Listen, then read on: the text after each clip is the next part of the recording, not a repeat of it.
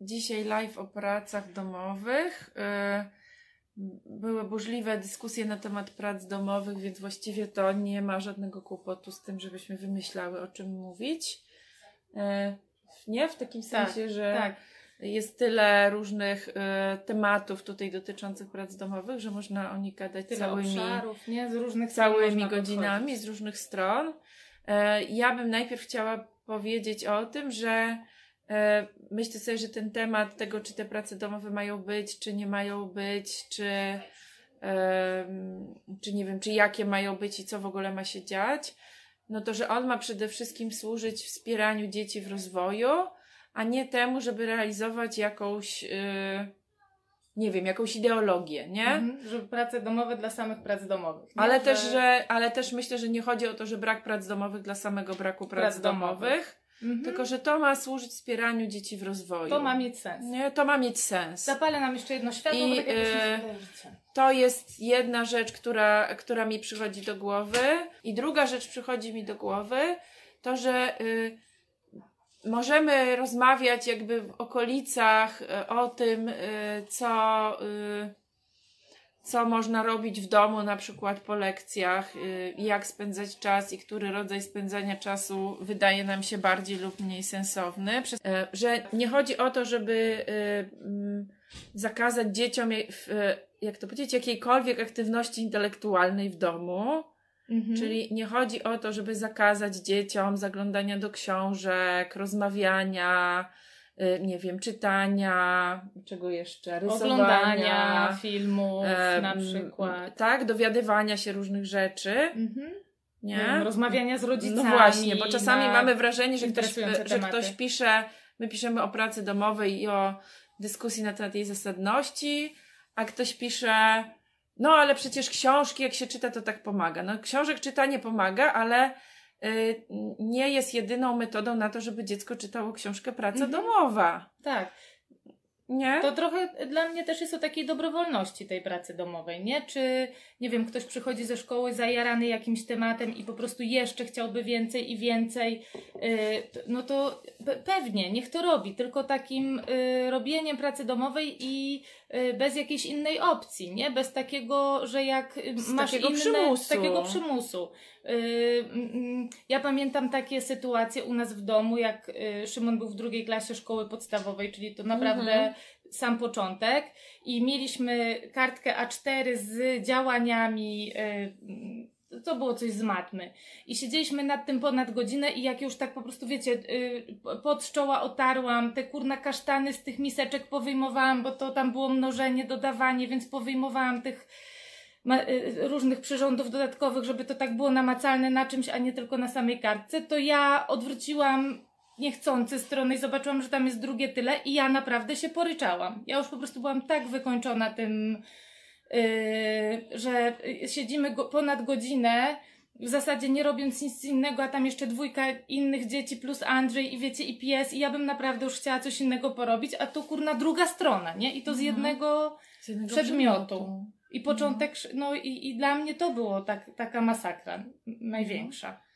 Czyli, czyli nie, że nie, nie chcemy rozmawiać o ideologii, o tym, że nie wiem, wolno, nie wolno i tak dalej. Mhm. Nie chcemy rozmawiać o tym, żeby dzieciom zakazać, y, y, nie wiem, no właśnie wszelkiego wysiłku intelektualnego po godzinach szkoły, tylko chcemy trochę pooglądać ten temat z różnych stron i zobaczyć, e, mm, ja bym powiedziała, jak można różne przekonania odczarować dotyczące e, rozwoju szkoły, edukacji, właśnie tych nieszczęsnych prac Mhm. domowych, które y, są związane mm, jakby ty, które bardzo wpływają mocno na to, jak my w tych różnych e, obszarach działamy. I e, taka rzecz, która mi się tu nasuwa, e, która też właśnie związana jest dla mnie z tym podstawowym celem, o którym mówimy, to jest to, że no, w tej sytuacji edukacji tak naprawdę chodzi o wspieranie w rozwoju dziecka, tak jak ja to rozumiem.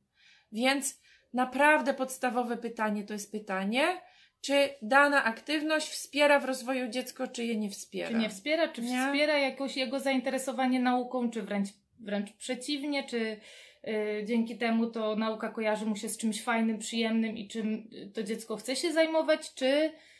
To też jest problem, ponieważ nie wszyscy uważają, że czerpanie przyjemności z nauki wspiera No, rozwój. w ogóle z życia, nie? Tak? Są ludzie, którzy uważają, że im się więcej człowiek przy nauce namęczy, tym się więcej nauczy i tym się więcej rozwinie.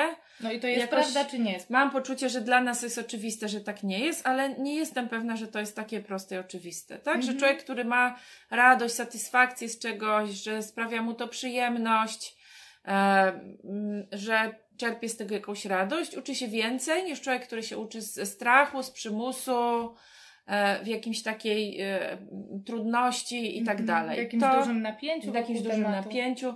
To jest też związane z tym, że prawdę mówiąc, zmuszenie kogoś drugiego do tego, żeby wykonywał e, jakieś określone czynności intelektualne jest niesamowicie trudne, ponieważ nawet jeśli dziecko usiądzie przed książką i ją otworzy i będzie w tą książkę kierować swój Patrzeć. wzrok, to nie znaczy, że będzie tam coś czytać, a da się też czytać nawet książkę na głos, bo słyszałam też o takim pomyśle, że e, dziecko czyta na głos i wtedy wiadomo, że ono się uczy. No to jest nieprawda, Można samemu można spróbować. czytać na głos i można nic z tego nie Mhm. wiedzieć, co się czyta. Y, Ja pamiętam taką sytuację, kiedy mm, no, po, po, po porozmawianiu z, z, nauczycielem, że tam no, te prace domowe to naprawdę u nas trudno idą i że, że, że to jakoś jest dla mnie trudny temat i że ja wolałabym, żeby było, tego było jak Mhm. najmniej. No to jeszcze umówiłyśmy się, że spróbujemy, żeby może to było tak, żeby dziecko nie miało dystraktorów, że pewnie ma za dużo rzeczy na biurku, wszystkiego, więc po prostu wysprzątałam, było zero, był zeszyt, ołówek i gumka.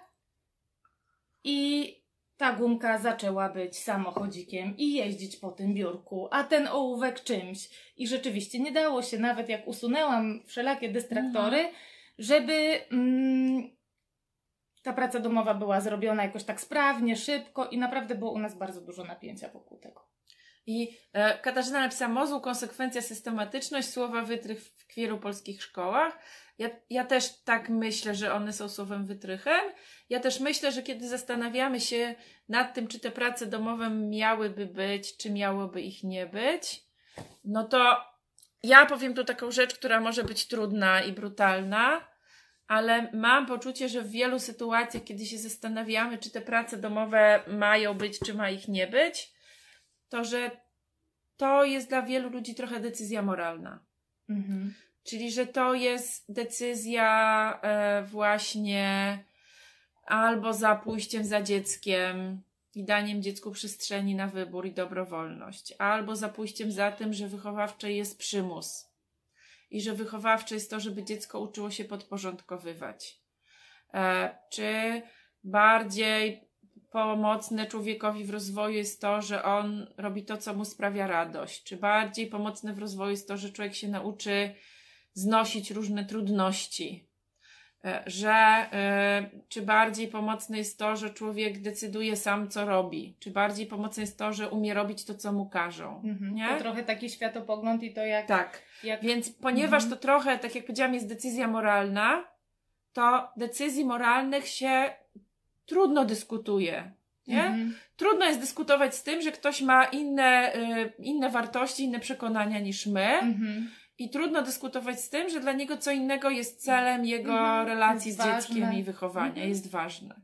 Także e, ja bym tu powiedziała, że my e, nie stawiamy sobie takiego celu, chyba raczej z Sylwią, żeby kogoś od jego e, tych ważnych dla niego wyborów jakoś odwodzić. Mhm. E, My się tylko możemy podzielić swoją perspektywą i e, jeżeli ktoś ma takie poczucie, że ten jego wybór jest raczej taki, że chciałby takiej edukacji, która właśnie nie wymusza rozwoju, tylko wspiera rozwój, która działa z szacunkiem dla podmiotowości dziecka, który chciałby mieć jakąś satysfakcję z tej relacji z dzieckiem i, e, i, i radość w tej relacji, Mhm. a nie tylko wypełnić określone e, czynności. Mhm. Tak, to- no to- jak policjant działać, No nie? to, Który to, odrobiłeś? to, y, to możemy gadać o tym, jak to robić i co, y, co z tym robić. I też właśnie nie chciałabym żebyśmy tu zakończyli całą rozmowę na poziomie pracy domowej, ma nie być koniec kropka, Mhm. tylko żebyśmy gadali o różnych rzeczach z tą pracą domową związanych. Żebyśmy sobie ją z różnych stron Żebyśmy ją pooglądały. sobie z różnych stron pooglądali. To, to, to, to, to Mhm. może zaczniemy gadać Dobra, o tym, dawaj. jakie są za tych prac domowych. Jakby co jest za tym, żeby te prace domowe, mm, albo w ogóle co to są sensowne prace domowe? Może tak. Okej? Jak ty myślisz? E, To pierwsze, co mi przychodzi do głowy, to że y, żeby określić, czy dana praca sensowna, czy dana praca domowa jest sensowna, trzeba obejrzeć dużo różnych rzeczy. Mhm. E, Są takie prace domowe, o których prawie od razu można powiedzieć, że są bezsensowne. Aha. I Nie? po czym takie poznajesz? E, Po tym, że są bardzo odtwórcze, Aha. bardzo schematyczne, że polegają na powtarzalnym wykonywaniu jakiejś e, e, takiej rutynowej czynności, e, że opierają się głównie na uczeniu takim pamięciowym, że m, ja bym powiedziała, uczą takich rzeczy, które udają, że się umie inne rzeczy. Taką pracą domową jest na przykład uczenie się na pamięć tekstu zamiast przeczytania go Mhm. nie? Czyli jak dziecko się nauczy tekstu na pamięć, to potem udaje, że go czyta, natomiast w żaden sposób nie wpływa to na jego kompetencje czytania. Mhm. Nie? Tylko Czyli że sobie e, przećwiczcie sobie w domu czy- czytanie tekstu ze strony tej i tej, Tak. tak? A potem na lekcji jeszcze odpytywanie z tego i stawianie stopni za to, jak ktoś. to, po, to pokazuje w ogóle taki jeden z kłopotów polskiej edukacji, myślę, że nie tylko polskiej, ale polskiej bardzo, że my wierzymy w to, że dziecko coś umie tylko wtedy, kiedy możemy to sprawdzić. Mhm. W związku z tym, tam, gdzie nauka czytania jest dużo łatwiejsza dla większości dzieci, kiedy one czytają po cichu, No to już się A, tego nie da trochę sprawdzić. tak, to się tego nie da, znaczy da się Da sprawdzić, można tylko w inny sposób. Pytania. tak? Mhm. Można sprawdzić czytanie ze zrozumieniem. Mhm. Tak, dzieci w Polsce nie uczą się czytania ze zrozumieniem, tylko uczą się często czytania na głos. Mhm. Dlatego, że to jest łatwiej sprawdzić. I Tak tak to jest jak trochę wygodniejsze dla, dla dorosłych. Dla dorosłych. Tak? Mhm. Jakby też nie chcę generalizować, bo to, co ja mówię, żadna z rzeczy, które ja powiem, nie dotyczy wszystkich, tak? Tylko, tylko tego, jak to się Że dzieje. tak się zdarza, takie Tak. są. W związku z tym, jak są przypadki. kursy szybkiego czytania, to jedną z pierwszych rzeczy, które ludzie trzeba oduczać robić, żeby byli w stanie szybciej czytać, jest tak zwana subwokalizacja, czyli bardzo dużo ludzi, kiedy czyta cicho, rusza ustami. Aha. Dlatego, że właśnie w ten sposób uczyli się czytać. Mhm. I to jest, to jest taka rzecz, która utrudnia szybkie czytanie, sprawne czytanie, ponieważ jeżeli ja dostosowuję prędkość czytania do tego, jakbym czytała na głos, no to nie będę czytać tak szybko, jak ktoś to czyta po cichu. Mhm. No tak, Nie? bo dokładam jeszcze jakąś czynność. Tak, dodatkową. dokładam do tego dodatkową czynność. Mhm. Nie? E, potem się dzieci sprawdza na różnych testach, sprawdzianach, teraz właściwie na wszystkich tych testach, nie wiem, trzecio, tam ilość klasisty, Wszystkich jest czytanie ze zrozumieniem, ale w pierwszej klasie często zaczyna się od głośnego czytania i też widzę, jak ludzie oceniają e, umiejętności dziecka w czytaniu po tym, jak czyta na głos i mówią, Mhm. to dziecko nie umie czytać, bo, Bo na się głos zacina. się zacina. Mhm. Nie? To nie jest to samo, To co umiejętność tym. czytania. Mhm. Nie mogę się zgodzić, trening czytania, nawet jeśli one uczą się na pamięć, wpływa na ich kompetencje czytelnicze, ponieważ utrwala się obraz graficzny słów. E, problem w tym, że to samo można by osiągnąć dużo spokojniej, po prostu dając dzieciom czytać dla przyjemności codziennie, systematycznie różne rzeczy, ponieważ y, jedną z rzeczy, które na pewno wiadomo, że wspierają rozwój dziecka, e, mm, i które na pewno y, pomagają dziecku w rozwoju, jest swobodne czytanie. Czyli jakbym powiedziała, miała powiedzieć, jaka aktywność na pewno dziecku pomoże w rozwoju, to jak sobie będzie dla przyjemności siadało codziennie i czytało trochę książki, albo w ogóle jak sobie siada dla przyjemności i czyta książkę.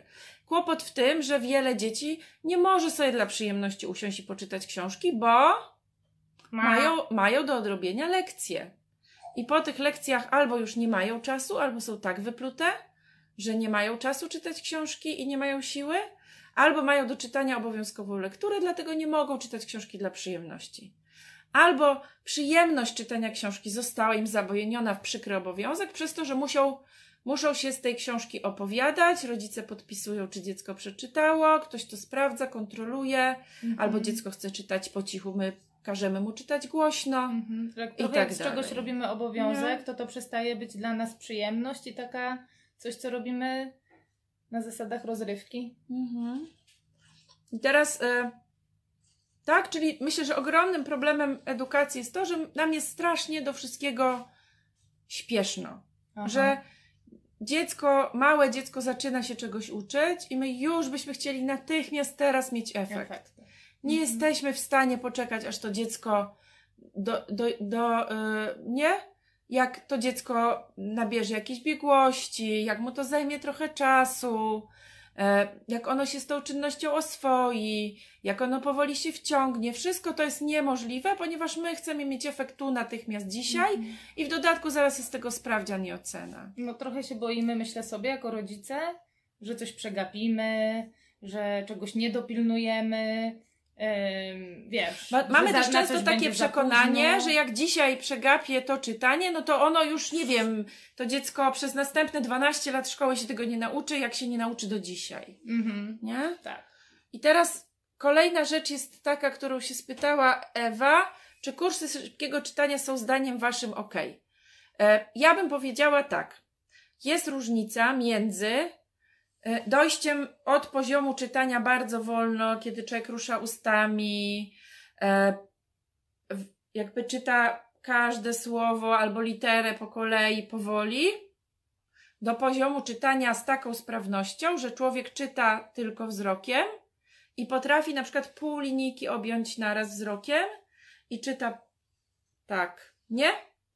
A prędkością czytania taką, która jest jeszcze wyżej ponad to i służy szybkiemu czytaniu jako szybkiemu czytaniu, Mhm. więc mam poczucie, że e, to jest pytanie, po co ten kurs szybkiego czytania jest. Czy on jest po to, żeby czytać najszybciej ze wszystkich, albo żeby czytać, nie wiem, jedną stronę w, w ileś tam minut? Czy on jest po to, żeby pomóc osobie, której jest czytać bardzo trudno i powoli? Bo jeżeli komuś jest czytać bardzo trudno i powoli, to rzeczywiście ludzie, którzy robią kursy szybkiego czytania, wiedzą więcej o technice czytania czasem niż przeciętny śmiertelnik. Nie? Także, także to są te dwie tutaj kategorie. E, Są te, jest też tak, że różne książki się czyta z różną prędkością. Ja z inną prędkością czytam książkę naukową, z inną popularno-naukową, z inną powieść. Czasem czytam powieść powoli, bo mi sprawia przyjemność. Czasem czytam powieść powoli, bo nie wiem, bo mam taki nastrój. Różne rzeczy Mhm. się tak, że to, że to tempo nie jest podstawową kwestią i podstawowym kryterium, ale jeżeli moje tempo czytania mi przeszkadza w przyjemności z czytania książki, to wtedy myślę, że takie coś może pomóc. Mhm. Dorota, dokładnie tak, córka ma krótkie teksty i potem na pytania do tekstu, na które odpowiedzieć, porozmawiać o tekście. Tak, i to jest y, sposób na uczenie się czytania ze zrozumieniem. Ogólnie jest tak, że każde dziecko ma inny poziom książeczek, dostosowany do, do dziecka, się domyślam. Y, to jest też trochę tak, że y, ja myślę, że my mamy kłopot ogromny z zaufaniem dzieciom. Mhm.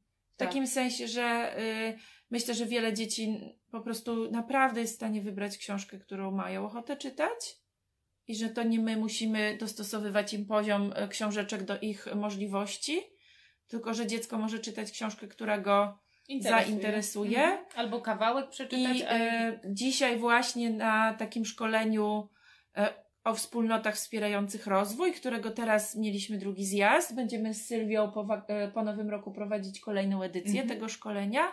I na tym szkoleniu o wspólnotach wspierających rozwój jeden z uczestników opowiedział o dziewczynce, która zaczęła e, czytanie, e, naukę czytania od książki popularno-naukowej, takiej pisanej ciągłym tekstem. Mhm. E, Udało jej się przeczytać dwa zdania, ale jej motywacja do tego czytania i do tego, e, co jej, e, jakby, co dla niej jest ważne w tym, jest taka, że jest bardzo duża szansa, że ona się w ten sposób nauczy czytać. Mhm. Są historie dzieci, które się nau- nauczyły z gazet czytać. Są historie dzieci, które się nauczyły W autobusach. e, w autobusach, tak? Każdy, jakby każde narzędzie jest dobre, jeśli dziecko jest tylko do tego odpowiednio zmotywowane. Dlatego ja zawsze, jak ktoś wchodzi do księgarni i mówi, czy są tu jakieś książki do nauki czytania, mam ochotę powiedzieć wszystkie. Mhm. Y, jest też taka kwestia, która się pojawia pod tymi mm, takimi właśnie a propos pracy domowych, że no jakby tej pracy domowej nie było, to a propos tego zaufania do Mhm. dzieci, to one by już po prostu nic w tym, jakby nic by nie robiły, tak? To by tylko było granie na kąpie i w ogóle siedzenie i patrzenie się w sufit. Mhm. E, Katarzyna pisze tak, ale obowiązki w życiu są, każdy jakieś ma i tego nie unikniemy. Ja nie mam. Tak? W sensie wszystko, co robię, jest moim wyborem. Mhm. Oczywiście, jeśli ktoś chce mieć obowiązki, to jest jego decyzja, ale można je mieć, można nie mieć. Tak? Czy ja nie robię nic w życiu dlatego, że muszę, wszystko robię dlatego, że wybieram. Mhm. I trochę to znowu właśnie jest decyzja i wybór moralny. To jest takie znalezienie Tak? sensu w tym, dlaczego Czy- ja to robię, nie? Czy, czy ja chcę być osobą, która robi w życiu różne rzeczy z wyboru? Czy ja chcę robić różne rzeczy w życiu dlatego, że, y, że je muszę robić? Mhm. Mam poczucie, że jak się robi różne rzeczy z wyboru, to jest przyjemniej, ale tak jak ja powiedziałam, to jest wybór każdego człowieka. Mhm. Nie? To jest znowu takie To jest przekonanie, też pewne że, przekonanie. że, my, że, że są obowiązki, że się pójdzie do, do, do, do, do pracy i że to już w pracy to już tu nie będzie tak, jak wiesz, tak jak nie Mhm. wiem, gadamy o tej, że te moje dzieci w tej Mhm. wolnej szkole i że w ogóle to już, no ale to kiedy one się nauczą takich rzeczy, co potem w pracy będzie, będą im potrzebne? Ja mówię, no uczą się Cały czas. Cały czas się uczą. No, y, za, na, może się nie nauczą tak świetnie jakby ro, ro, wykonywania poleceń, Ale chcę powiedzieć, ale że teraz możliwe, jest że to, że chciały, jest to teraz naj, coraz mniej ceniona kompetencja i cokolwiek byśmy mogli powiedzieć o tym, że nie wiemy, co się będzie dalej działo na rynku pracy, według, tak, w życiu, w ogóle na świecie, to umiejętność wykonywania poleceń będzie coraz mniej cenioną kompetencją z bardzo prostego powodu. W dokładnym wykonywaniu poleceń najlepszy jest Robot. robot i komputer. I wszystkie prace, których sednem jest dokładne wykonywanie poleceń, przestaną ludzie wykonywać. Zaczną robić maszyny. Zaczną robić Mhm. maszyny. E, e, ja przeczytam, co tu mam, a potem Dobra. to, co ty.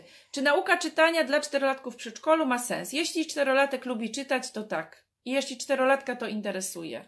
Natomiast powiedziałabym, że nauka czytania nie ma sensu wtedy, kiedy ogranicza dziecku czas na bardziej w tym wieku produktywne aktywności, czyli na swobodną zabawę, ruch na świeżym powietrzu, e, m, m, o- uczenie się opanowywania swojego ciała, tak? Czyli są takie rzeczy, które w tym wieku mają większy sens. I jeśli te rzeczy miałyby na tym tracić, to to nie ma sensu. Ale tak jak powiedziałam, jeśli jest czterolatek, który Chcę. chce i któremu zależy i który bardzo się interesuje książkami i go nie można od nich oderwać, no to trochę trudno jest mu tego zabraniać. Ja wczoraj miałam dyżur w y, wolnym przedszkolu i, y, i, i to był świetny obrazek. Ja strasznie żałowałam, że jakoś nie miałam drona, który mógłby podlecieć pod sufit i pokazać, jak w takiej sali, która ma ze 20 metrów kwadratowych, przy jednym stoliku siedziało sześciu chłopaków i miało dwa zestawy majsterkowania jakiegoś Mhm. el, elektro, elek, mały elektronik czy coś. Przy kolejnym stoliczku cztery osoby i jedna dziewczynka, y, jedna dziewczynka układała sobie litery takie na takiej ma- tablicy magnetycznej, trzylatka, obok chłopiec, który pensetą przerzucał kulki, a y, po, potem przyszła trójka dzieci, wzięła mnie za ręce i mówi, chodźmy poczytać na sofę. I Mhm. myśmy czytali książkę na sofie i jeden chłopiec mówi, ja wiem jak czyta się to słowo, to to ja przeczytam. Mhm. Albo i, i słuchajcie, i da się trochę, y, jakby naprawdę da się robić tak, żeby każdy yy, mm, Miał jakiś swój wkład i decyzję. i decyzję i robił coś, a nie Mhm. musiał robić to to, to, to, to, to, co wszyscy robią, a to mi się tak skojarzyło z tym, czy, czy warto uczyć dzieciaki czteroletnie czytania. One po Mhm. prostu jak chcą, to się go uczą, nie? Nawet jesteśmy- czasami jak my czytamy na głos, one patrząc przez ramię, Jesteśmy tak zanurzeni w słowie pisanym, wystarczy naprawdę, chyba że pojedziecie do lasu, nie? Że wystarczy wyjść na ulicę, litery, napisy są wszędzie i naprawdę e, nie trzeba e, jakichś specjalnych zabiegów w większości, żeby dzieci się nauczyły czytać. Majka tu pisze o takim dziecku, e, że e, jesteśmy zanurzeni jesteśmy w w takim, żyjemy w takim, w takim e, świecie, w którym nie da się nie stykać z pisaniem, z czytaniem, z literami. Związku z tym trochę ja nie wierzę w to, żeby dziecko bez jakichś poważnych trudności się nie nauczyło czytać. E, Natomiast e, znam ludzi, znam, znam młodzież, która dopiero w wieku e, nie wiem, na przykład 15-16 lat wciągnęła się w czytanie. Czyli jakby powiedziałabym, że 12 lat to jeszcze jest taki czas, który myślę sobie, że może tak być, że dziecko jeszcze nie, y, to nie jest jeszcze jego moment. Jeśli dziecku jest bardzo trudno z czytaniem, to ja bym rozmawiała z kimś, kto się na tym zna, żeby popatrzeć, czy jest coś, co dziecku sprawia trudność takiego, czym można mu ułatwić. Nie wiem, tak? Czyli, czyli że jakby jak, jak mam niepokój co do tego, jak dziecko czyta, to ja bym ro rozmawiała z kimś i sprawdzała, na czym może polegać kłopot i jak można dziecku pomóc. Czy to jest tylko kwestia czasu, czy to jest kwestia jeszcze czegoś. Czy młodsze lub starsze dzieci mogą wybierać, czy chcą odrabiać lekcje, czy nie? Czy chcą iść do szkoły, czy nie? Popieram dokonywanie wyborów przez dzieci, jednak w obszarach adekwatnych do ich możliwości. Do ich możliwości. E, zastanawiam się, co by to miało znaczyć, że dziecko nie może wybrać, czy chce zrobić lekcję. Czyli znowu, co oznacza fizyczne zmuszenie dziecka do zrobienia czegoś, co ono robi swoją głową.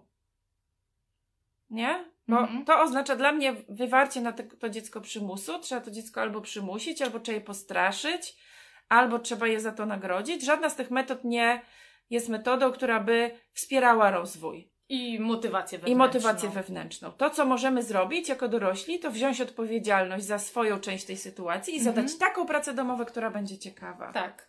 Tak? Czyli ja mogę takie dać zadanie dziecku, które ono zrobi z przyjemnością i z chęcią. Mogę też wiedząc o tym, że wybór jest bardzo atrakcyjną sytuacją. I ba- tak, tak, dzieci lubią móc wybrać. Ludzie w ogóle uwielbiają no. dokonyw- podejmować decyzje mamy taki układ nagrody, który jest bardzo mocno przez podejmowanie decyzji stymulowany. I dlatego, jeżeli ja dam dzieciom zamiast jednego zadania, które wszyscy muszą zrobić, dam pięć zadań i powiem, każdy robi, które wybiera, to to już będzie dla dzieci bardziej ciekawe. Mhm. Tak, będą mieć poczucie wpływu, jakiegoś sprawczości. Jeżeli ja daję zadanie, to zobaczcie, w klasie szkolnej dzieci się rozwojowo czasem różnią o dwa lata. Mhm. Jeśli ja daję jedno zadanie, tu są dzieci, dla których ono jest adekwatne do ich możliwości, tu są dzieci, dla których ono jest za trudne, tu są dzieci, dla których ono jest za łatwe mhm. i tylko te dzieci korzystają na tej pracy domowej. Mhm. Sposobem na to jest umiejętność zadania takiej pracy domowej, którą dziecko może sobie dostosować do swoich możliwości. To są konkretne umiejętności tego, jak taką pracę domową zadać. Czyli na przykład, jak zadać taką pracę domową, w której dziecko może podejmując różne decyzje dotyczące tego, w jaki sposób robi tą pracę, jak dużo w to wkłada pracy, e, jak e, dużo daje sobie wyzwania, może zrobić tą pracę domową na takim poziomie, na którym to jest akurat to, to, to, to złote, tak? To, to ten złoty środek, w którym ono się najwięcej uczy. Jeśli dziecko jest małe i jest taka obawa, że dziecko jeszcze tego nie umie zrobić, to tym, tą osobą, która może je w tym wesprzeć jest rodzic, który jeżeli zrozumie o co chodzi w tej sytuacji, będzie mógł to zrobić. E, taką sytuacją jest na przykład to, kiedy dziecko pisząc litery może na przykład napisać tyle liter, ile czuje, że jest gotowe i jest w stanie. Mhm. E, ja czasem jak widzę zeszyty dzieci, widzę takie zeszyty, w których dzieci piszą literki i widzę, jak pierwsza litera jest staranna, druga jest staranna, trzecia jest staranna, czwarta już nie. Po pierwsze, dlatego, że ręka się męczy monotonnym zadaniem. Gdyby dziecko miało napisać cztery różne litery e, po kolei, albo pięć, albo sześć, każda inna, pewnie dużo lepszej jakości byłyby te litery, niż ta jedna cały czas taka sama. Druga rzecz jest taka, że to jest malutkie dziecko i ma małą rączkę, która się męczy, przeważnie jest po długim czasie też w szkole pisania i fizycznie dzieci mówią nawet, że boli je ręka. Mhm. Nie? Więc te pierwsze trzy, cztery litery to jest ćwiczenie, a te kolejne to jest męczenie dziecka. I chodzi o to, żeby kiedy dziecko mówi, tu już mam dość, to żeby umieć to dziecko usłyszeć i umieć powiedzieć stop. Okay. Mhm. Tak? Dlatego, że jeżeli ja mówię o tym, że dziecko może wybierać, to ja mówię o tym, że to dziecko najlepiej wie to, co mu jego ciało mówi. To dziecko wie, czy mu jest ciepło, czy zimno, to dziecko wie, czy jest głodne, to dziecko wie, czy jest zmęczone. Ja tego nie wiem, bo to nie jest moje ciało. Nie? Tak. I y, wszelkie dane dotyczące, nie wiem, badań, wiedzy na temat rozwoju i tak dalej, pokazują, że naprawdę dziecko lepiej wie, co w tej chwili będzie tym kolejnym krokiem korzystnym w rozwoju. I to, co może zrobić dorosły, to nie jest w stanie wiedzieć lepiej, dlatego że e, no, to trochę dla mnie jest element takiej pokory w kontakcie z drugim człowiekiem. Nie? Dorosły nie może wiedzieć lepiej. Dorosły może stworzyć dziecku takie wspierające, bezpieczne środowisko, w którym to dziecko tą swoją intuicję dotyczącą rozwoju będzie mogło wykorzystać. Mhm. Na tym zresztą się opierają przedszkola Montessori, które są bardzo efektywne edukacyjnie. Dzieci w przedszkolu Montessori, wiele dzieci w wieku 6 lat dodają pisemnie czterocyfrowe liczby. Nie dlatego, że są męczone, tresowane, wsadza się je i każe się im słupki y, y, rozwiązywać, tylko dlatego, że się bawią i y, czerpią z tego przyjemność i dlatego, że robią to, co w danym momencie jest dla nich najciekawsze i najbardziej je zachęca i najbardziej je interesuje. Nie? I naprawdę e, jakoś myślę sobie, że to nie jest rzecz, którą n- no, albo możecie uwierzyć, albo możecie grzebać w literaturze i sprawdzać. Dziecko, które idzie ze swoim zainteresowaniem i przyjemnością, uczy się szybciej i efektywniej niż dziecko, które idzie za e, planem dorosłego. Mhm. A jak dzieci wolą au- audiobooki od czytania? E, jakoś myślę sobie, nie znam żadnego dziecka, które by czytało audiobooki i w ogóle nie czytało kompletnie zero pisanego. Mhm. E, w- I co, tak- jak tak? jest lektura i czy jak ono sobie je odsłucha, to czy to jest jakby zaliczone, czy nie? To zależy od tego, o co nam chodziło. Mhm. Tak, jaki mieliśmy cel. Czyli jak celem było poznanie w ogóle treści jakiejś Jeżeli książki. celem tak jest kontakt z literaturą, Mhm. Nawet nie powiedziałam, że poznanie treści, tak? Bo jak ja Aha. czytam, to to też nie jest poznanie treści celem, tylko celem jest kontakt z literaturą, e, mm, nie wiem, jakieś emocje, które się z tego nie biorą, jakaś, Mhm. wiesz, no, co jest celem, co jest celem czytania książki? No, potem są różne pytania, na przykład dotyczące lektur, jak się Mhm. nazywali bohaterowie i takie tam. to No też jest pytanie, co jest celem takich pytań. Pamiętam takie pytanie w, e, w odniesieniu do książki mm, Chłopcy z Placu Broni. To jest lektura w klasie chyba piątej. I pytanie było, w jakim kraju się dzieje ta książka. To jest informacja, która ja nawet nie wiem, czy ona jest zawarta w tej książce, bo ona się dzieje w Budapeszcie, ta książka, ale nie wiem, czy dla dziecka w tym wieku jest to oczywiste. Mhm. I jest to, jest to informacja całkowicie nieistotna dla dziecka w tym wieku. Nie? Mhm. Dlatego, że dziecko zajmuje się emocjami, przeżyciami bohaterów, relacjami między nimi, zastanawia się, dlaczego ktoś coś zrobił. Yy, tak, mój syn się pytał, dlaczego oni żuli kit, o co Mhm. to chodzi, co to jest ten kit, nie? I po co go żuli. I to go interesowało, a nie to, w jakim kraju to się dzieje, nie? I takie realia historyczne, które tam zresztą są bardzo... Ludzie dorośli, którzy tę książkę czytają, o nich wiedzą, mniej albo lepiej, ale dziecko, które książkę przeczytało, nie da się tak sprawdzić, czy dziecko przeczytało. Mhm. Nie? Czasami to jest właśnie celem chyba jest sprawdzenie, czy przeczytało, nie? Że wydaje się. No to też Y, są na to lepsze tego sposoby pytania, niż pytanie że- o, takie, tak. o takie szczególiki, nie? Tak. Bo ja... Mhm. A jak był Czy- ubrany. Tak, ja ktoś... czytając książki różne, też y, nie chwaląc się trochę książek czytam, Mhm. też bym tych szczególików nie była w stanie powiedzieć. Także jeżeli naszym celem jest y, mm, to, żeby dziecko się zapoznawało z literaturą, to audiobook naprawdę się do tego dobrze nadaje. Jeżeli naszym celem jest to, żeby dziecko się uczyło czytać, to ta lektura może nie być najlepszą Mhm. strategią i Czyli czytanie wtedy- lektury. Mhm. Jakieś Dla- książki, które jego Tak, interesują. jeżeli dziecko się uczy czytać, to czasem dużo bardziej mu pomaga czytanie książek, które ono jest nimi zainteresowane, ale też różnych bardzo form czyta- czytelnictwa. Mhm. Czyli żeby to był komiks. Żeby to były takie książki, wiersz. których y, coraz albo czasami wiersz, albo czasami e, nie wiem, na, Książka na, z dziurą. tak, albo napisy na przystankach, Aha. nie? Albo em, Patrz. Nie wiem, samo. przepisy kulinarne. Nie? Że, że jeżeli moim celem jest to, żeby dziecko się nauczyło czytać, to to jest inny cel niż, niż, y, niż zapoznanie się y, tak z jakąś konkretną pozycją literatury. Mhm. Ja jestem po kursie szybkiego czytania, zapamiętywania. Najlepiej zainwestowany czas. To też dla mnie jest taki dowód na to, że są takie y, tak, że to, że to może być dla kogoś właśnie bardzo fajna aktywność, tak? Czyli ja nie mówię, że to ani nie mówię, że to jest dla wszystkich, ani że to jest dla nikogo. Teraz dzieciaki chodzą na kursy i po dwóch tygodniach widać efekty w przyswajaniu wiedzy. Ja też trochę myślę sobie, że ja osobiście nie jestem fanką zapamiętywania. Czyli moja wiedza jest taka, że mózg jednak dużo lepiej niż do zapamiętywania nadaje się do przetwarzania i łączenia informacji i że zapamiętywanie nie jest tu kluczową kwestią. E, jeśli byśmy nam chodziło o zapamiętywanie, to e, ja mam poczucie, że przeciętne dziecko jest w stanie się 700, 700 nas Pokemonów nauczyć w ciągu kilku dni, jak ma odpowiednią motywację. Mhm. I e, jakby w kwestii ćwiczenia pamięci, owszem, jest to imponujący wynik, ale nie mam poczucia do końca, że, yy, że to jest taka najważniejsza aktywność. To jest dla mnie takie pokłosie czasów sprzed 200 lat, kiedy 200 lat temu yy, lekcje wyglądały tak, że chodził nauczyciel po klasie, mówił i dzieci miały to nauczyć się na pamięć. I tak wyglądała wtedy nauka. I wtedy zapamiętywanie było, nie? Mm. I praca domowa była bardzo, bo się przychodziło do domu, czytało się z książki, uczyło się książki na pamięć i to była nauka. Nauka w tej chwili tak nie wygląda.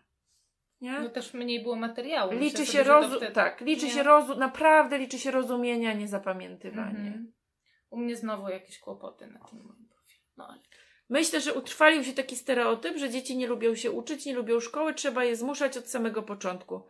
E, ja też myślę, że jest taki stereotyp i jest to dla mnie zadziwiające, kiedy widzimy że dzieci lubią się uczyć, kiedy są w przedszkolu, lubią się uczyć, kiedy są małe i widzimy, jak te dzieci się uczą z przyjemnością i zamiast dać im się uczyć z przyjemnością dalej, to mamy takie poczucie, że do teraz to już się skończyła zabawa i teraz to będzie prawdziwa teraz nauka. Teraz to już tak. I jeszcze takie straszenie no. czwartą klasą i że co to będzie w czwartej klasie.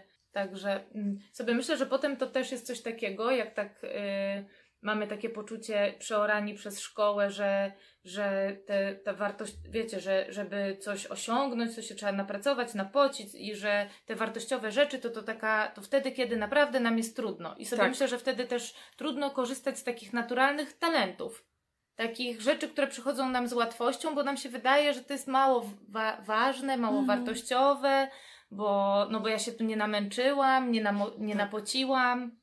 To jest też taki, e, takie przekonanie, że człowiek, który wie, czego się uczy, to, e, to się uczy lepiej i więcej, i że świadomość tego, że się uczymy, pomaga, albo że świadomość własnych błędów pomaga, że świadomość tego, co się nie wie, pomaga.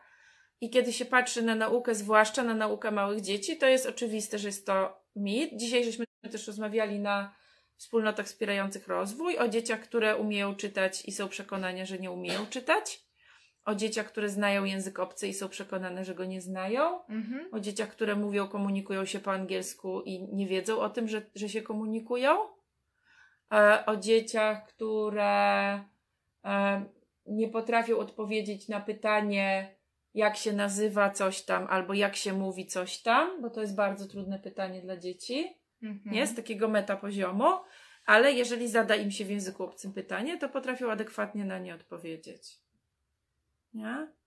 Czyli ja bym powiedziała, że to nie jest tak, że jak my wszystko wiemy i kontrolujemy i sprawdzamy, to dziecko się dzięki temu nauczy mhm. więcej i szybciej. Y, trochę to jest też chyba tak, że mhm. mamy takie wyobrażenie, że się uczymy tylko w taki formalny sposób. Jak siedzimy y, w ławce, jak jest taka, nie wiem, czas na to określony i mamy podręcznik y, i że jak mm, ta nauka wygląda jakoś inaczej, to że wtedy człowiek się jakoś nie uczy albo się uczy, nie, nie wiem, co w zasadzie. Gorzej. Nie? Gorzej. Nie? Trochę jest albo... tak, że mówimy, tu siedzi nad książką, to tu się uczy, a tu się bawi.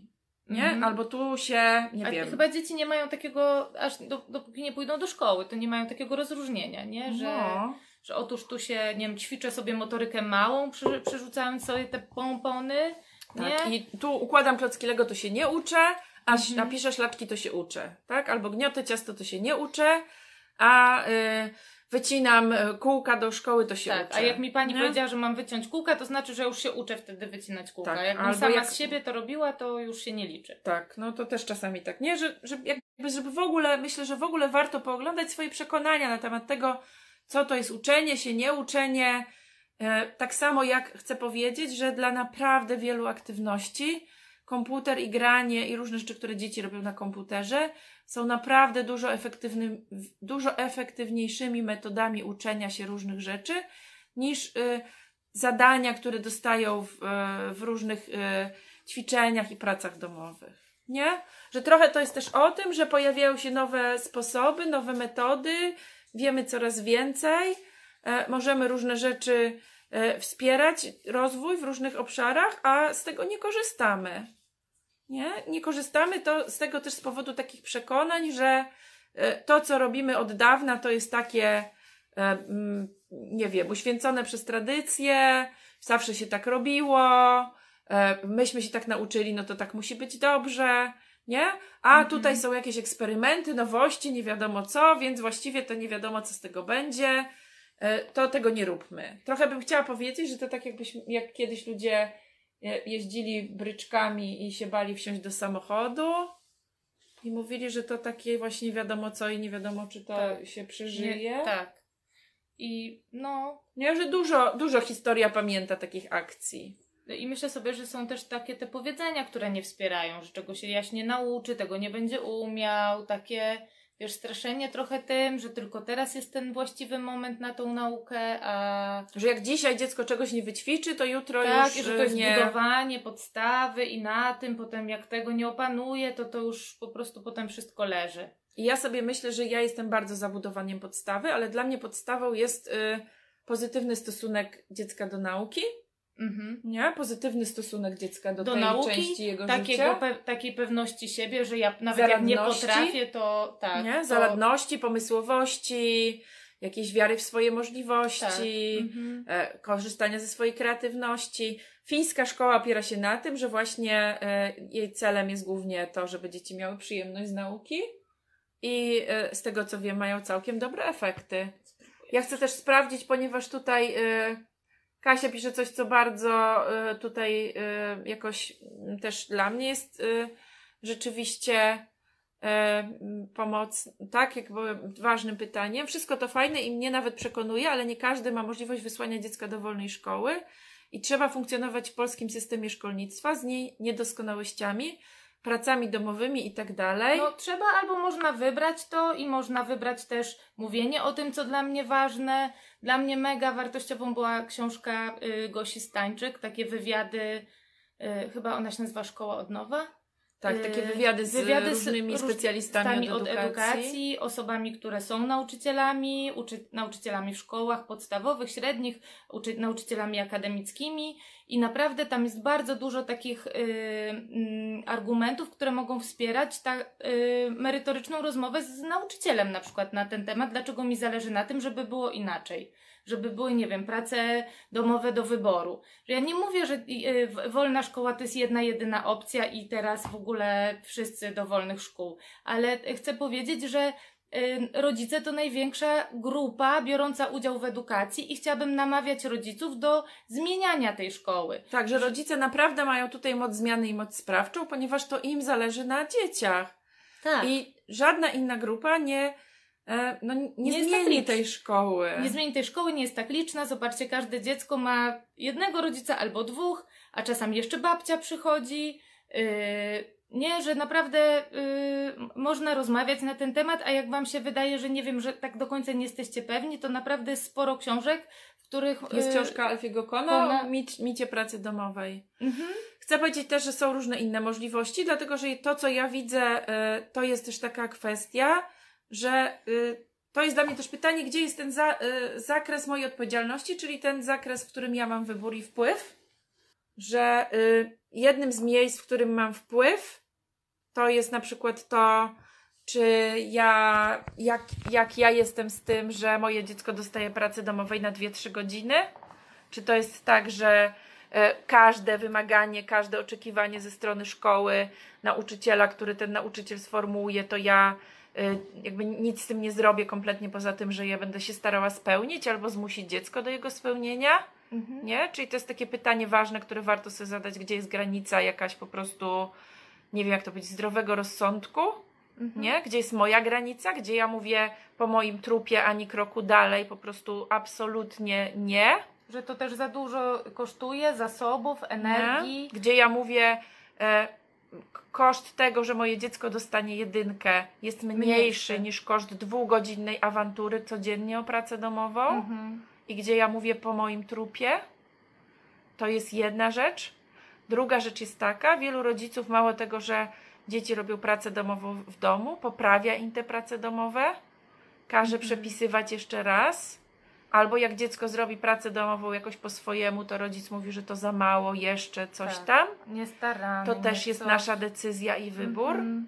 Ta decyzja jest związana z naszą wizją, że to nasz, po naszej stronie leży obowiązek edukacji dzieci, w związku z tym to to jakoś to ja mam to dziecko nauczyć, albo to nauczyciel chce zobaczyć, jak to dziecko się świetnie nauczyło, to też ma taki negatywny bardzo skutek, że nauczyciele często nie dostają informacji zwrotnej o tym, że dziecko czegoś nie umie. Mhm. Ponieważ jeśli ja na lekcji tłumaczę jakiś temat, dzieci wszystkie robią pracę domową, wszystkie mają dzieci świetnie zrobioną pracę domową, jaki jest wniosek? No, tak? Ja nie, ja nie mogę drążyć to. każdego dziecka tematu, wiecie, pojedynczo sprawdzać, kto mu pisał pracę domową. Tylko jeśli wszystkie dzieci mają pracę domową zrobioną, ja y, dochodzę do wniosku, że dzieci to umieją, idę dalej. Nie? Więc y, robiąc pracę domową w ten sposób z dzieckiem, ja uniemożliwiam nauczycielowi zobaczenie, że jednak nie wszystkie dzieci opanowały ten materiał. Nie? I nie chodzi mi o sytuację, kiedy dziecko prosi o wsparcie, nie? Kiedy dziecko mówi, chodź, tu zróbmy razem, albo mówi, nie, chce mi się, powiedz, co mam napisać. Chodzi mi o sytuację, w której ja wchodzę w rolę nauczyciela dziecka i go w tej roli zastępuję, Mhm. trochę tworząc sytuację, w której ten nauczyciel już nie musi być nauczycielem dziecka, bo ktoś to za niego zrobił. E, Kolejna sytuacja jest taka, że ja mogę odpowiedzialność za pracę domową dać w ręce dziecka i wziąć na klatę to, że dziecko podejmie decyzję, w jaki sposób tą pracę domową robi i jak sobie z tym radzi. Czy dziecko woli mieć napisany brak pracy domowej, czy dziecko woli tą pracę domową zrobić i poprosić mnie o pomoc, czy woli ją odpisać od kolegi, czy woli się umówić z kolegą i ją zrobić, czy woli ją zrobić przed lekcją, nie? Oddaję odpowiedzialność za to dziecku. Tylko, żeby oddać odpowiedzialność dziecku, to trzeba być gotowym na to, że to dziecko zrobi z tą sytuacją to, co będzie uważało. Mhm. I trochę to jest, myślę sobie, taki strach, że y, to, co ono spróbowało raz, to to już będzie taki wzorzec, który zawsze się będzie powtarzał. Czyli, że nie wiem, mówimy, dobra, to słuchaj, od dzisiaj to jest tak, że to jest Twoja praca domowa i możesz zdecydować. I na przykład, że to dziecko y, pierwszy tydzień w ogóle tych prac domowych nie odrabia. Myślę, nie? że I na się pewno. trochę boimy, że ono już nigdy y, nie odrobi. Taka, myślę sobie, że mm, mm, nauka na błędach też nie jest taką najgorszą nauką, nie? No. Że dziecko z, z, pomyśli sobie, no kurczę, no już po raz kolejny. Y, I to znowu y, według mnie wychodzi to zaufanie do dziecka i do takiego. Chcę też powiedzieć, że jako osoba, która nagminnie nie odrabiała prac domowych, naprawdę da się w ten sposób skończyć studia. Wszy- Wszystko się da, nie? Tak. No moja córka też No. mówi, mama, ja to zawsze odpisuję tam 5 minut na parapecie i Tak. Naprawdę I da mam- się w ten sposób. Da e, się wszystko Tak, pewnie. w sensie, e, nie wiem, e, znowu to jest pytanie, czy my traktujemy pracę domową jako element kształcenia jakiś, jakiś cnót, nie? mhm. Czy jako jakiś element wychowawczy, bo jeśli ma to być kwestia tylko przełożenia na wiedzę, to naprawdę e, powiedziałabym, że to jest bardzo mocno dyskutowalne, czy to się przekłada mało na się wiedzę. przekłada. Nie? Chciałabym też powiedzieć o czymś takim, jak ty mówisz o tym, że dziecko może tej pracy domowej nie robić przez tydzień. E, całkiem niedawno czytałam bardzo fajny artykuł o tym, jak jedna nauczycielka przestała dzieciom zadawać prace domowe. Wszystkim w ogóle. Mhm. E, bardzo jestem e, tutaj e, jakoś byłam poruszona tym, co ona napisała. Efekt tego, że dziecko, że za, przestała zadawać prace domowe, zaczął być taki, że dzieci zaczęły się więcej uczyć. To znaczy, w momencie, kiedy miały niezadaną pracę domową, mówiły właśnie tak, jak ty powiedziałeś, a to jeszcze se tu poczytam, a to mi się to spodobało, a to bym się chciała dowiedzieć, a tu bym tu porysowała jeszcze. Czyli to, że one nie robiły tej pracy domowej, spowodowało, że się zaczęły więcej uczyć. Mhm. Miały przestrzeń na rozwijanie swoich, Swoich zainteresowań, zainteresowań. czegoś, co nie wiem, usłyszały w szkole i je zaciekawiło i, i, i stwierdziły, że pociągną to dalej, albo czegoś, co zupełnie jest ich zainteresowaniem w danym momencie, nie? Ale w ogóle zyskały jakąś swój czas dla siebie i dla... Czy taki podział na prace domowe według możliwości dziecka jest w ogóle w polskim szkolnictwie możliwe? chcę powiedzieć, że polskie szkolnictwo w ogóle się tym nie interesuje, w sensie e, ustawy, przepisów i tak. To jest decyzja konkretnego nauczyciela. Konkretny nauczyciel może zadać pracę domową, która jest dostosowana poziomem do możliwości dziecka. Mhm.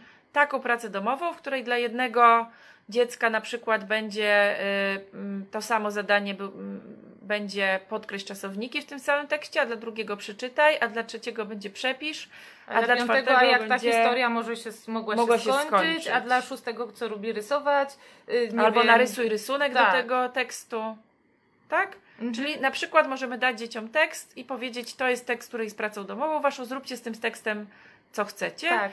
I dziecko, które ma taką pracę domową któryś raz, wie, jakie ma opcje do wyboru. Mhm. I I wybiera że to tą, naprawdę nie wybiera. wymaga jakoś mega dużo więcej nakładu pracy po stronie nauczyciela. Myślę, że wymaga mniej nakładu pracy, Mhm. ponieważ y, wymaga mniej nakładu pracy na y, radzenie sobie z tym, że dzieci pracy domowej nie, nie, robią. nie, nie odrabiam. Nie? Mhm. Tak samo mogę dać pracę domową i ci, którzy dużo i sprawnie piszą, mają przepisać, to mogą przepisać to, co, to, co tam jest do zeszytu i zrobić w zeszycie. Dziecko, które ma trudność z pisaniem, może w książce uzupełnić tylko luki. Mhm. Dziecko, które ma jeszcze większą trudność, może na przykład powiedzieć rodzicowi, co tam można wpisać. E, tak, jakoś prawie każde zadanie, jakbym w książce zobaczyła zadanie, prawie każde zadanie można z głowy, widząc zadanie, podać pięć wersji różnych tego, co można z tym zadaniem zrobić. Takich wersji, które dziecko może wybrać sobie do wyboru. Mhm. Tak? Czyli to nie chodzi o tworzenie nowy, nowego Żeby to- czegoś tak, wcale, pięć zupełnie tylko różnych o zestawów. trochę ruszenie głową. Mhm. Y, Pamiętam moi znajomi, którzy mieszkają w Kanadzie, opowiadali, że ich dzieci to mają tak, że praca domowa jest zadawana raz w tygodniu, we wtorki i dzieci przynoszą, mają tydzień e, albo jak potrzebują dwa, to I mogą to zrobić, kiedy im pasuje. Tak, czyli to mogą- też jest jakaś Mhm. opcja, nie? tak. Myślę sobie, że Czy mo- gdzie możemy poczytać o tym, że dziecko wie, gdzie jest najbliższa strefa jego rozwoju? Myślę, że Montessori najwięcej tutaj y, y, działa. Y, ja bym też powiedziała, że trochę to jest, y, no jakby trochę kwestia takiego przyjrzenia się w ogóle rozwojowi dzieci od samego początku. Bo ja mam poczucie, że kiedy dziecko jest małe, to my tego nie kwestionujemy i jak dziecko jest malutkie, to wszyscy wiedzą, że trzeba poczekać, aż zacznie chodzić, a nie je prowadzać za ręce. I że jeśli to to- różnie tak, może być. Mhm. I że jeśli dziecko nie zaczyna chodzić, rzeczywiście jest bardzo długo, no to znowu nie zaczynamy go prowadzać za ręce, tylko idziemy do specjalisty. Mhm. Nie? Natomiast myślę, że na kolejnych etapach rozwoju my bardzo chętnie wchodzimy w takie myślenie, że jak dziecko czegoś nie robi, to je trzeba jakoś do tego Bo, bo przymusić. jest leniwe, bo Nie? jest y, jakieś, nie? E, Agnieszka w polskiej szkole nadal uczy się zapamiętywania, wkuwanie na pamięć regułek z polskiego, co to jest czasownik, narrator, podmiot liryczny, to samo z biologii czy historii. E, Chcę powiedzieć, że to znowu jest decyzja konkretnego nauczyciela.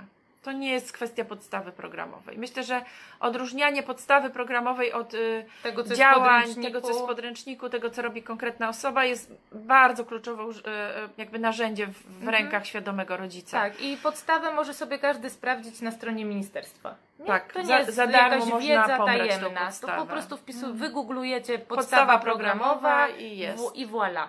Chcę też powiedzieć coś takiego, że e, nawet jeśli ktoś e,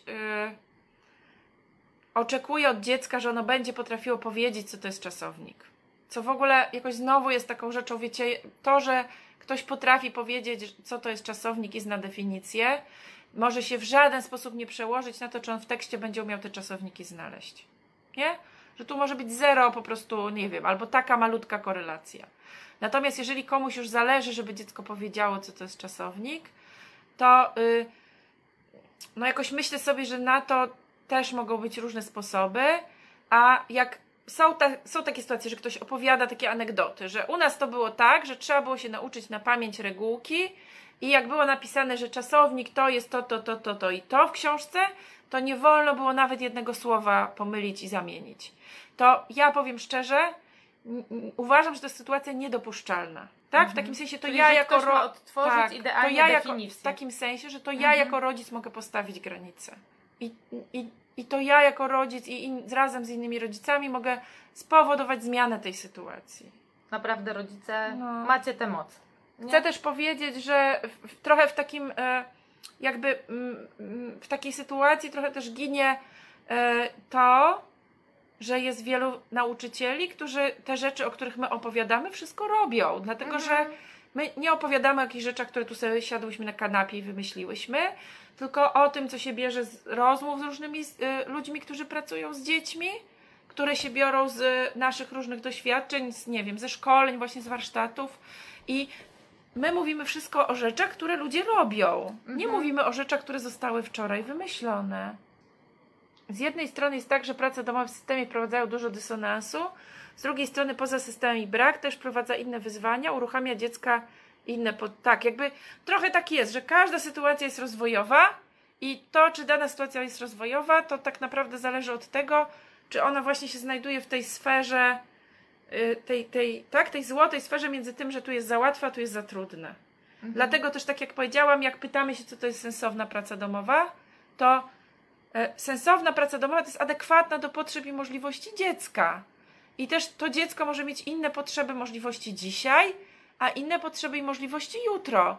Bo dzisiaj jest zmęczone po lekcjach, zestresowane i potrzebuje poleżeć, odpocząć albo pobiegać po podwórku, a jutro będzie nakręcone do robienia czegoś i jego sensowną pracą domową będzie to, że zrobi projekt na całą kartkę, a ileś tam, nie? Więc to tak naprawdę znowu to dziecko widać po dziecku, czy dla niego ta praca domowa jest sensowna, czy nie, po tym, czy chce ją robić. Jeśli dziecko nie chce robić pracy, to jest jeszcze taka opcja pośrednia dowiedzenia się, jaki jest problem. Tak? Mhm. Bo zdarza się tak, że dziecko nie chce czegoś zrobić, nie dlatego, że to by nie było dla niego fajną, atrakcyjną aktywnością, tylko na przykład dlatego, że czegoś nie zrozumiało. Mhm. Nie? Albo dlatego, że nie umie sobie tego jakoś wyobrazić, jak to zrobić. Aga, powiedzmy jeszcze na koniec, jak, No. jak myślisz o tym, jak można, y, jak można wspierać dziecko, jak ono nie chce robić tej pracy domowej? Co my, co, co takie Co ja mam poczucie, że myśmy robić? trochę powiedzieli o tej Mhm. a, odpowiedzialności. Czyli, że możemy dać dziecku tą odpowiedzialność, możemy powiedzieć, zrób tyle, na ile y, jakoś czujesz, że, że na dzisiaj masz siłę. Możemy w domu sami zmodyfikować trochę tą pracę domową, tak żeby była bardziej y, łatwiejsza, Mhm. ale też jak dziecko... Albo trudniejsza, albo łatwa. tak? Mhm. I Dlatego, że jeżeli "Eee, praca domowa sensu". jest za łatwa I i, nudna, to na przykład jednym ze sposobów na to, żeby praca domowa była ciekawsza jest wprowadzenie limitu czasu. Mhm. Tak? I ja no nie mówię o... ja nie mówię o sytuacji, w której robimy to z przymusem, tylko o zaproponowaniu dziecku zabawy. Mhm. Tak? Czyli o sytuacji, w której my współpracujemy razem z dzieckiem i mówimy: Słuchaj, czy da się zrobić tak, żeby ta praca domowa była dla ciebie ciekawsza? Jakaś taka Nie? fajniejsza. Syn dyktando uczył się codziennie ze mną, poszedł dumny, ale stres pani szybko dyktowała, zrobił sporo pomyłek. Dla mnie i tak pisał super. Pani, do niego musisz uczyć się i ćwiczyć jeszcze więcej. Chcę powiedzieć tylko jedną rzecz. Trudną. E, jakbyśmy dali tym dzieciom spokój, to one i tak same by się nauczyły pisać ortograficznie. Przez to, że piszą i czytają. I ja widzę teraz po moim dziecku, które cały czas było y, mu wszystko jedno, jak pisze, a teraz ma 14,5 lat. I nagle ja widzę, jak jego, y, to co on pisze, nagle zaczął pisać i robić coraz mniej błędów. Mhm. I- Sprawdzać, nie? Czy to jest poprawne, Tak. nie? Gdzie słownik? I jedyna rzecz, która się zadziała, to upływ czasu, plus różne jego doświadczenia ze słowem pisanym pomiędzy, które się gromadziły, czyli to, że czyta różne rzeczy, że pisze. I naprawdę to jest taka rzecz, że gdybyśmy wszystkim dzieciom w kwestii ortografii kompletnie odpuścili i dali im czas, to naprawdę byśmy suma summarum zrobili więcej niż y, tym, co, tym, tą presją, tym stresem, który robimy teraz. E, dziecko dyslektyczne, gdybyśmy mieli mówić o wychwytywaniu dzieci, które mają dysleksję, dysleksję się nie diagnozuje tylko po tym, że ktoś robi błędy ortograficzne. Tak, że tylko się dużo bardziej można wgłębić i popatrzeć, jak to dziecko funkcjonuje. I jak się dzieci nie męczy ortografią, też się da dysleksję rozpoznać i wiedzieć, któremu dziecku pomóc. Nie? Dlatego myślę sobie, że jest ileś tam takich aktywności, które dzieci w szkole są nimi męczone, torturowane, stresowane, odpytywane, testowane, które naprawdę, gdybyśmy zostawili te dzieci kompletnie w spokoju, większość dzieci by te umiejętności same z siebie nabyła, tylko przez to, że różne rzeczy robią. Mhm. Ma z nimi po prostu do czynienia, nie? Dorota pisze, że u nich e, zadziałało pogadanie i że, spra- i że sprawiło, że się zmieniło. W szkole. Nie, no, że wystarczyło porozmawiać Mhm. i e, Co polecicie? Książki dla nauczycieli, które pomogą budować relacje z uczniami, wspierać ich rozwój. Trochę jest tak, że wszystkie książki, które są o budowaniu relacji z ludźmi, to one pomagają też i nauczycielom. Mhm. Jest Em. książka Marszala Rosenberga o, o, na, o nauczaniu. Jest książka Marszala Rosenberga, jest książka, y, są książki z NVC, na przykład szko- jak to jest? Szkoła empatyczna szkoła? Empatyczna klasa? Em, mhm. Tak? Szko- Mm. szkoła z empa- Tak? No, książki, które dotyczą porozumienia bez przemocy w szkole. Mhm. Jest ich kilka w tej chwili. Y, Są Jest ta książki- książka Szczęśliwy nauczyciel, szczęśliwy uczeń, taka o, uważ- o uważności. uważności. Mama ją niedawno wydała. Tak. Są książki Alfiego Kona. On też o edukacji Mm. e, różne rzeczy Tak. pisze. E, jest ta książka Gosi Stańczyk, o której, e, Tak. o której Szkoła ona mówiła. Szkoła od nowa. Nie? Mhm.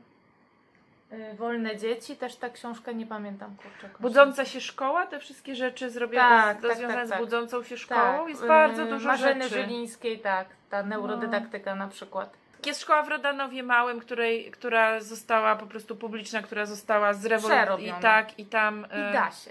To Ewa Radanowicz prowadzi. Trzy minusy. Minusy stawiane za brak pracy domowej. Jak rozmawiać z nauczycielem, że metoda minusów zniechęca dzieci, nie działa, frustruje i tak dalej. E, Ja bym powiedziała po pierwsze, ja bym chciała, żeby rodzice przez, przeszli z roli petenta do roli klienta. Tak? Rodzic jest klientem systemu edukacji. No I z takiej pozycji równości, Z nie? pozycji ja znam takiej, swoje tak, nie z dziecko, pozycji chamstwa. zależy mi na jego rozwoju, zależy mi na dobru mojego dziecka. Z takiego miejsca naprawdę jakiejś Komunikacji. komunikacji, takich, wiecie, no że Ja bym też chciała, gada, ja bym też nie? chciała powiedzieć coś takiego, że y, łatwiej jest, kiedy mówi się o swoim konkretnym dziecku, nie o, nie o jakichś ideach, tylko o, że mojemu dziecku to nie służy, mojemu Mhm. dziecku jest z tym trudno, mojemu dziecku to nie pomaga. I druga rzecz, nauczyciel robi różne rzeczy, ale nie wie tego drugiego kawałka, co się dzieje potem w domu. Mhm. Tak? Czyli Czasami jeżeli, nauczyciel pewnie jest zaskoczony tym, że to tak, tak długo jeżeli trwa. dziecko się stresuje, jeżeli dziecko jakoś to bardzo demobilizuje, jeżeli dziecko właśnie się mocno stresuje pracą domową, to widzi, widzimy, że mu to nie pomaga. Nauczyciel się tego nie domyśli, jeśli my mu tego nie Mhm. powiemy. I myślę sobie, że nauczyciele, jakby ich intencją też jest wspieranie rozwoju dzieci, nie?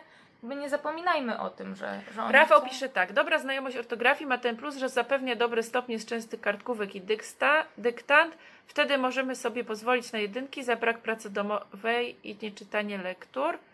Ja bym powiedziała tak, jeśli ktoś y, wybiera, że tego się uczę, tego się uczę i tego się uczę po to, żeby z tym, z tym, z tym mieć łatwiej, rozumiem taką strategię.